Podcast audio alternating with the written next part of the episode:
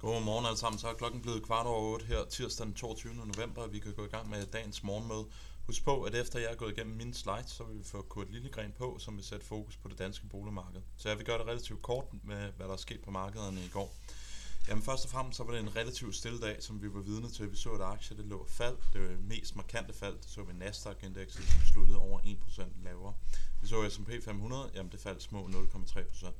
Vi havde ikke det helt store på makrofronten. Det eneste opdaterede makrotal, vi fik fra den amerikanske økonomi, det var Chicago Fed National Activity Index, og det lå og faldt lidt tilbage i forhold til den foregående måned. Så vi ser altså yderligere bekræftelse på, at den amerikanske økonomi er på vej ind i en vækstopbremsning. Vi havde to Fed speakers, det var Mester og det var Dali, og de var begge to ude at sige, at perioden med de her 75 punkters renteforhøjelser i den amerikanske økonomi, den har vi sandsynligvis lagt bag os, og vi kan nu begynde at sætte hastigheden med, hvormed vi hæver renten en lille bit smule ned. Men overordnet set, så var det altså en meget, meget stille dag, som vi var vidne til på det finansielle marked.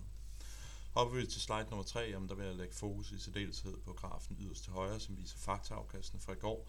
Det var vi jo vidne til, det var en dag, hvor at growth-aktier, det havde det lidt svært. Det kommer også som sagt til udtryk i, at vi så Nasdaq-indekset slutte relativt øh, meget lavere end øh, det brede S&P 500-indeks, og så så vi, at de mere defensive faktorer, som eksempelvis dividender og low vol, de havde altså en relativt god dag at slutte med relativt pæne af, øh, afkast. Så en defensiv rotation på en dag, hvor aktier sådan over en bred kamp sluttede sådan moderat nede.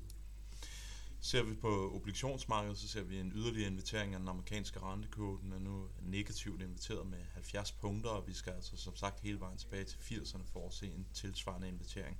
Så det er altså en bekræftelse af, at obligationsmarkedet i øjeblikket siger, at der er en kraftig forøget recessionsrisiko for den amerikanske økonomi. Spørger du økonomerne eller analytikerne, så hvad er sandsynligheden for, at vi får en amerikansk recession over de kommende 12 måneder, jamen så fortsætter den sandsynlighed altså med at stige den op på 2 62,5 nu, trukket ud af Bloomberg som konsensusestimat. Så vi ser altså en øget grad af pessimisme blandt analytikerne, og de forventer altså en recession. Det, der ligesom er the odd one out, jamen det er prisfastsætningen på amerikanske aktier.